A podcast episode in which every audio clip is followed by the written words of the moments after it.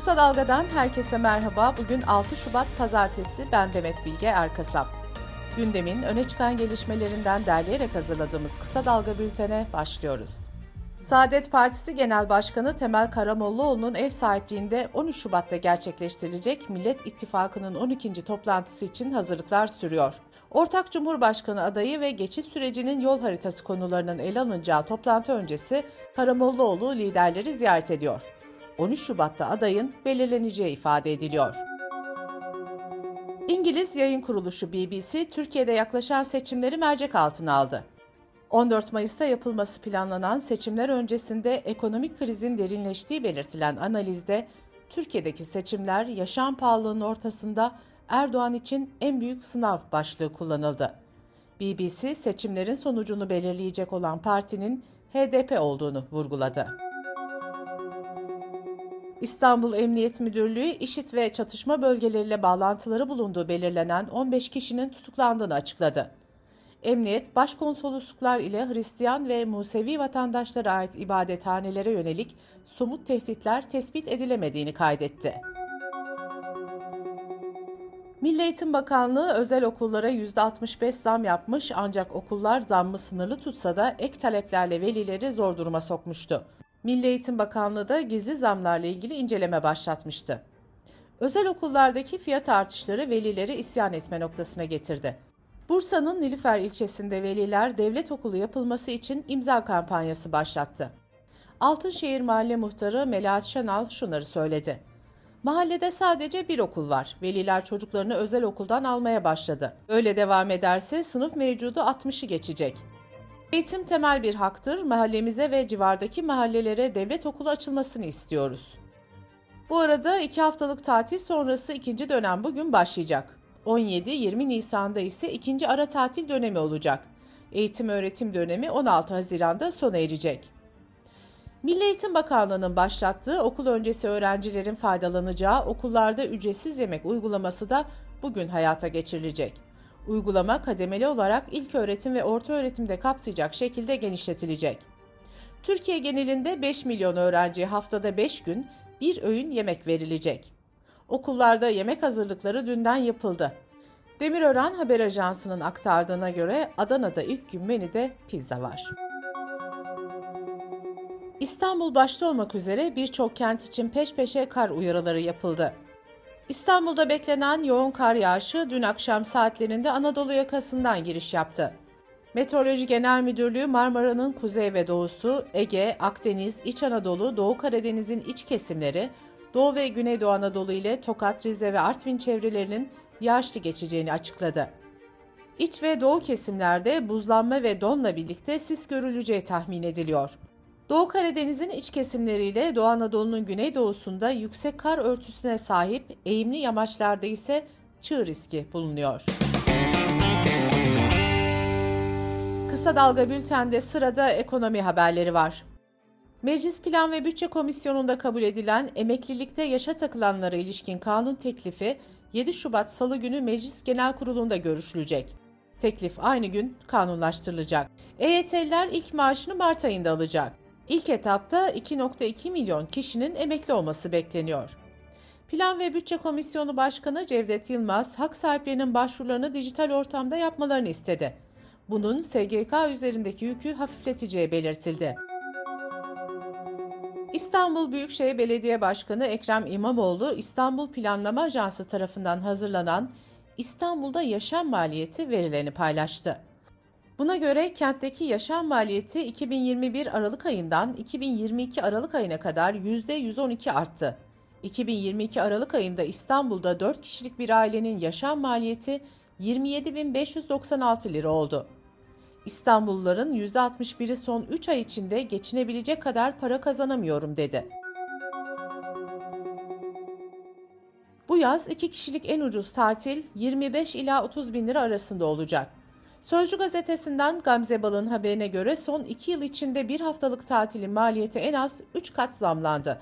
İki kişinin 3-4 yıldızlı bir otelde yapacağı bir haftalık yaz tatilinin maliyeti 2021'de 6 ila 7 bin lira arasındaydı. Geçen yıl bu tutar 10 ila 15 bin arasına çıkmıştı.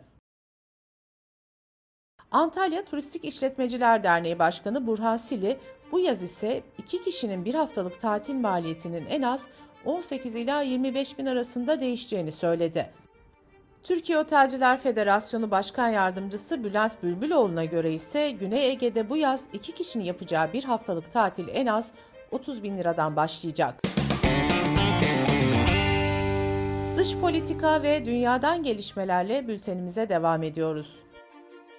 Ukrayna ve Rusya yaklaşık 200 savaş esirini karşılıklı olarak birbirlerine teslim etti. Ukrayna Devlet Başkanı Zelenski'nin danışmanlarından Andriy Yermak, 116 Ukraynalı'nın ülkesine geri döndüğünü açıkladı. Almanya Başbakanı Scholz, Ukrayna'ya gönderilmesi kararlaştırılan tankların Rus topraklarına saldırı için kullanılmayacağı konusunda Ukrayna Devlet Başkanı Zelenski ile anlaştıklarını belirtti. Avrupa Birliği ülkelerinin Rusya'dan deniz yoluyla taşınan petrol ürünlerine yönelik ithalat yasağı ve bu ürünlere tavan fiyat uygulaması başladı. 5 Şubat öncesinde satılan ve gemilere yüklenen petrol ürünleri 55 günlük bir geçiş süreci boyunca yeni kısıtlamalardan etkilenmeyecek. Bu petrol ürünlerinin 1 Nisan'a kadar nihai varış noktasına ulaştırılması ve tankerlerin yüklerini boşaltması gerekecek. Meksika üzerinden Amerika'ya kaçak olarak giren Türk vatandaşlarının sayısının 2021'de 7 binken geçen yıl 22 bine yükseldiği açıklandı. Pakistan'ın eski Cumhurbaşkanı Pervez Müşerref hayatını kaybetti. Emekli general olan Müşerref 1999'da yaptığı darbeyle iktidara gelmiş ve kendisini Cumhurbaşkanı ilan ettiği 2001 yılından 2008'e kadar Pakistan'ın başında kalmıştı. Müşerref hakkında açılan davalar nedeniyle 2016'dan beri Dubai'de yaşıyordu.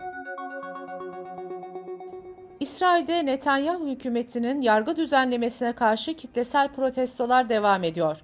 Başkent Tel Aviv ve diğer kentlerde on binlerce kişi sokağa çıktı, diktatörlüğe hayır ve demokrasi sloganları attı. Tel Aviv'deki gösteriler sırasında İsrail'in Batı Şeria ve Doğu Kudüs'teki işgalini protesto eden bir grupta Filistin bayrakları açtı.